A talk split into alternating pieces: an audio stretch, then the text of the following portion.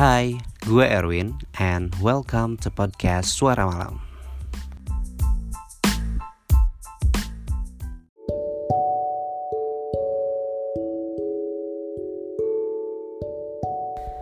Pernah gak sih kalian ngerasa sakit hati yang sangat-sangat dalam karena ditinggalkan oleh seseorang yang sudah menyakiti kita? Merasa seperti dunia seakan berhenti berputar. Merasa bahwa sudah tidak ada lagi harapan untuk melanjutkan hidup atau bahkan sempat terfikir untuk mengakhiri hidup hanya karena ditinggalkan oleh seseorang. Hai, apa kabar? Balik lagi bareng gue Erwin di podcast Suara Malam. Udah lama banget ya gue nggak uh, posting. Sorry banget karena memang akhir-akhir ini agak sedikit sibuk. Kayak banget ya sibuk. Sebelumnya gue mau menyapa dulu kalian yang sedang mendengarkan podcast ini.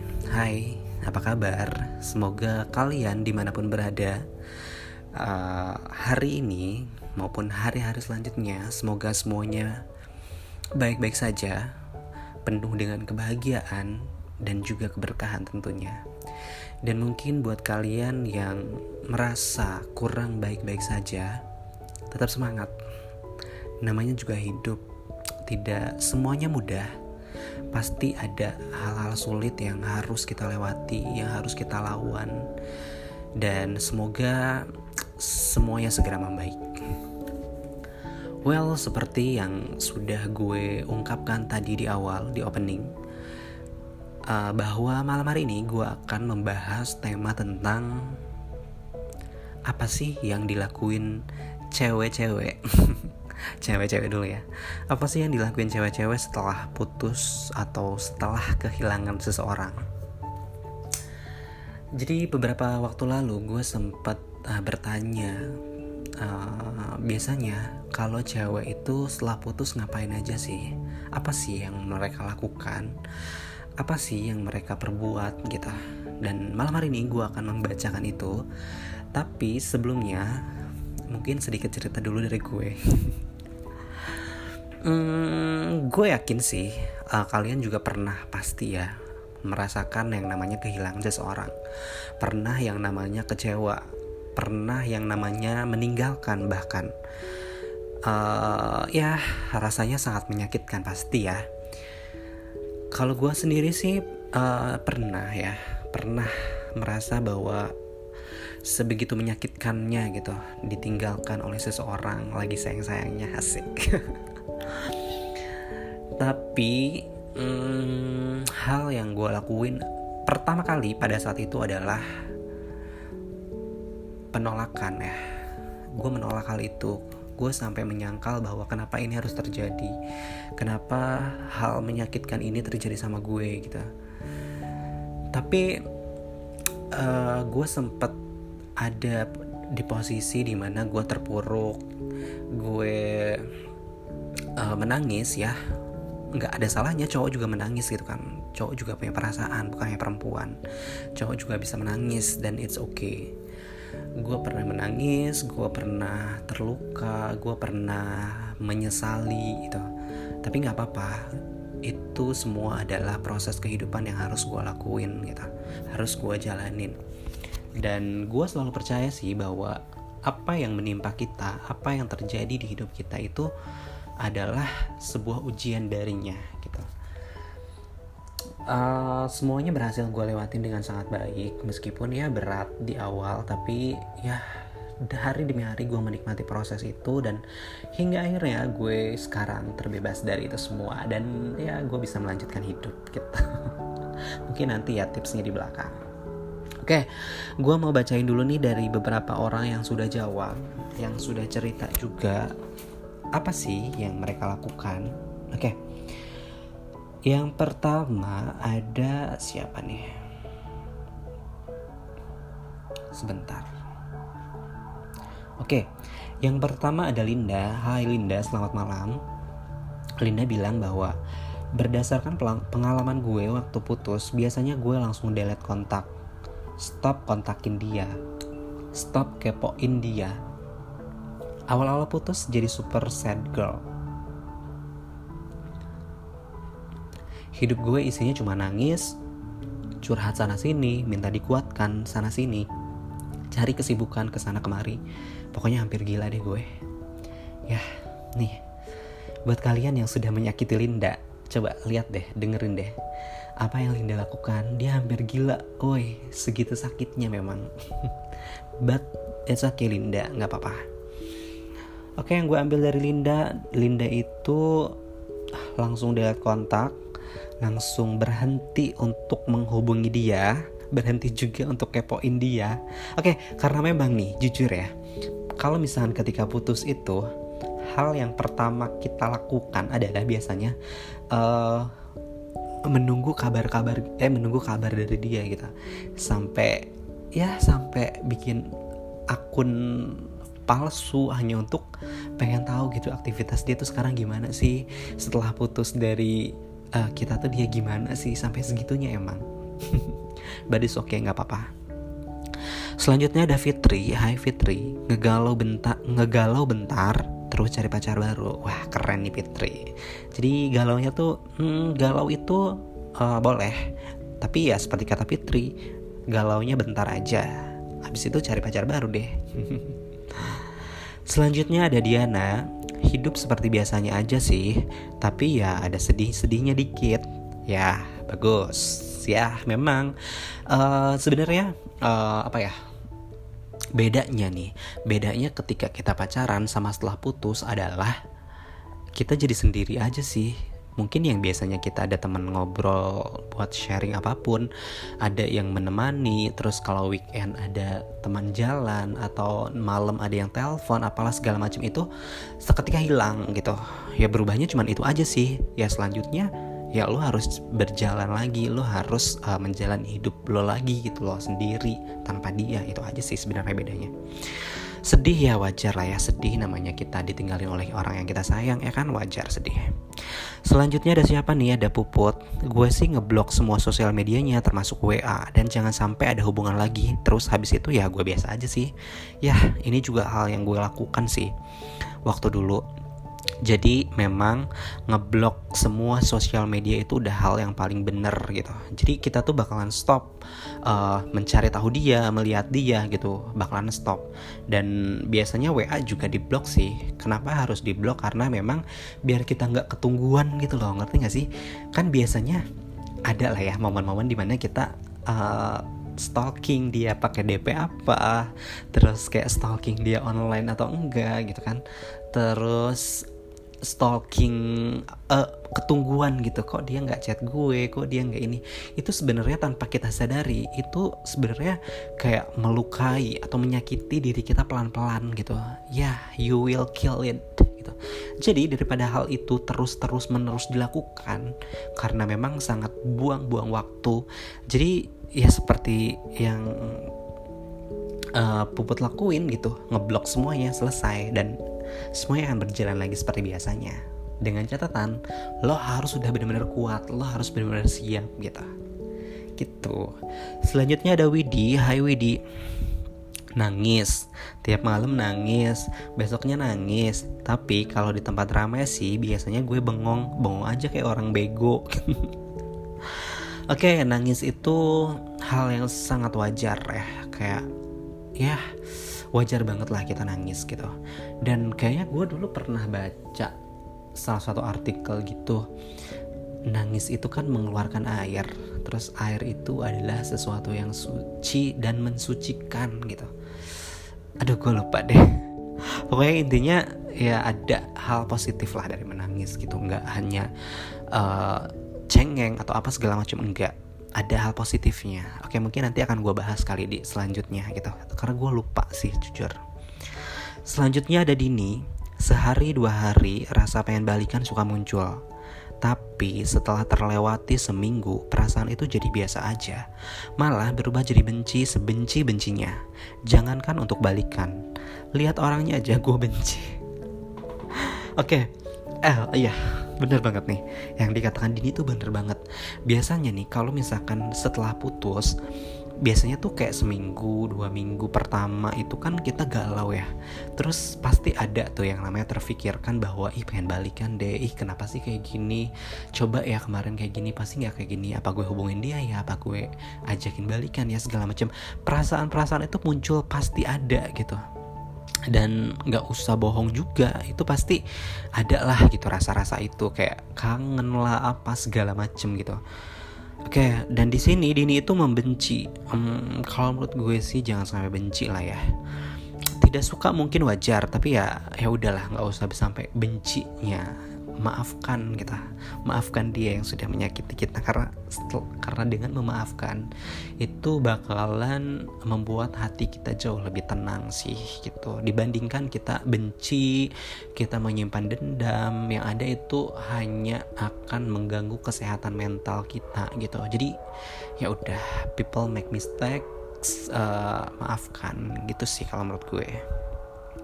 Selanjutnya ada Rinda Sebulan pertama nangis, curhat sana sini, kayak orang gak punya semangat hidup, mencoba buat healing. Bulan kedua ada yang coba deketin, coba respon, kalau nggak cocok ya udah skip gitu aja terus sampai nemu yang benar-benar cocok.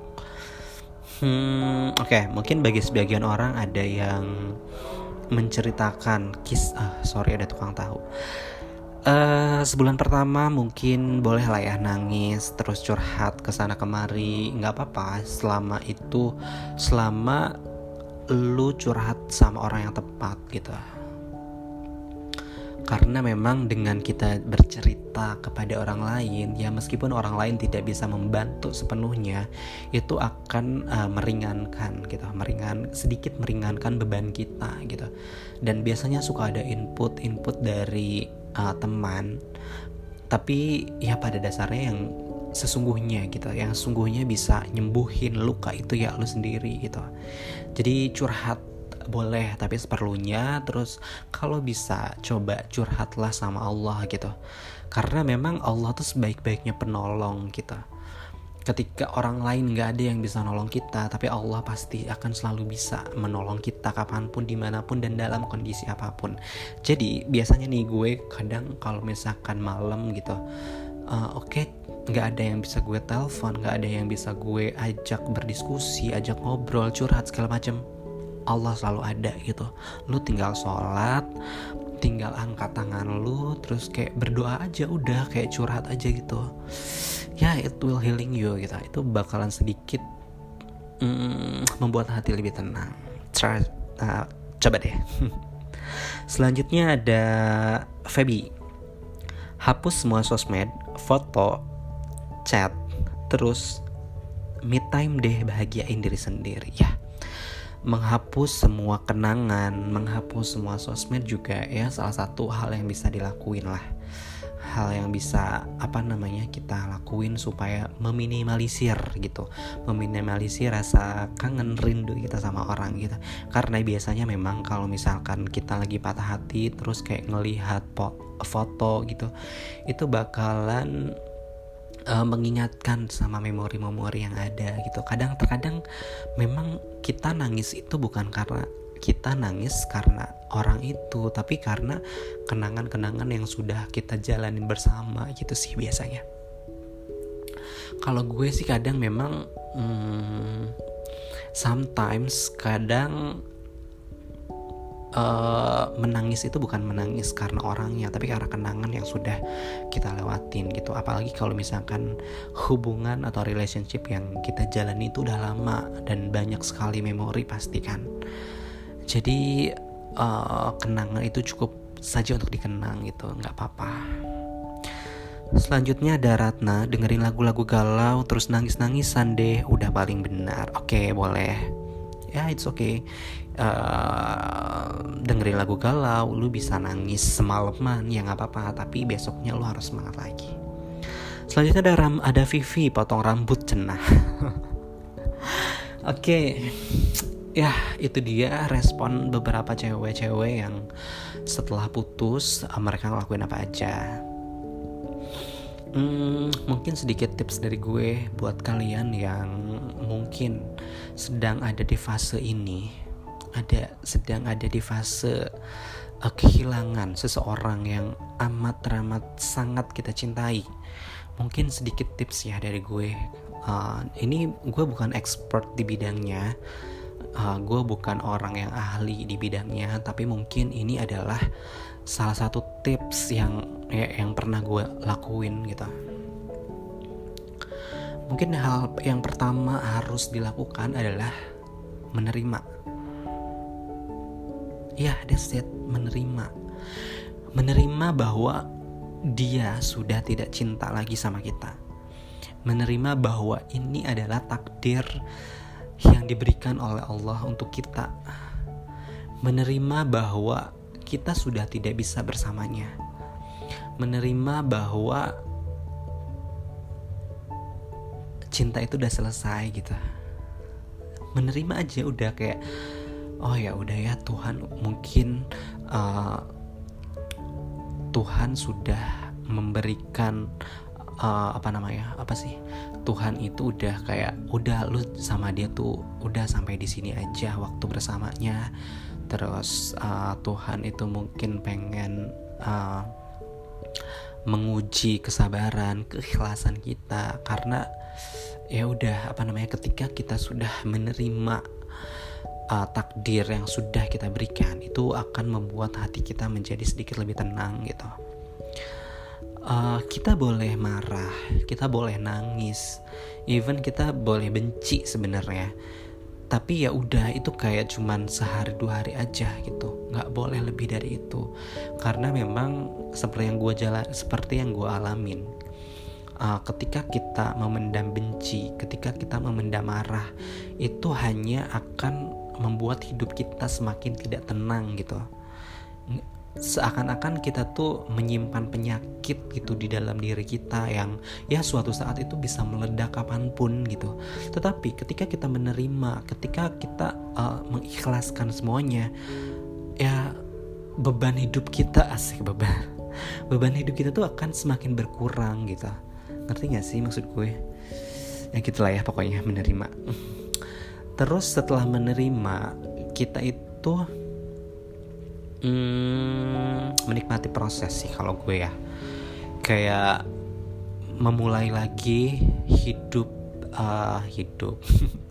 Memulai lagi kehidupan uh, seperti sebelum ada dia. Gitu. Jadi yang mungkin biasanya ada dia yang telepon terus nggak ada telepon ya udah gue nggak apa-apa. Kayak gue alihkan aja dengan hal yang lain. Kayak misalkan biasanya malam-malam gue telf uh, kita teleponan terus ya udah gue alihkan menjadi ya udah tiap malam gue bikin podcast. Atau tiap malam gue bisa belajar. Atau tiap malam gue bisa lari ke GBK atau apalah segala macem gitu. Kayak ya udah gue menikmati eh, masa-masa uh, kesendirian itu gitu. Gue menikmati proses gue proses kesembuhan uh, hati gue gitu. Kayak ya udah gitu loh uh, berat sih berat. Sedih sih sedih. Sakit sih sakit. Tapi semuanya tuh harus kita lawan. Semuanya tuh harus kita lewati. Kita tuh harus menikmati prosesnya dan harus uh, yakin gitu loh bahwa ini tuh nggak akan selamanya. Kita tuh nggak bakalan menangis terus-terusan. Allah tuh nggak akan terus-terusan menguji kita gitu loh bahwa di depan sana nanti akan ada kebahagiaan untuk kita.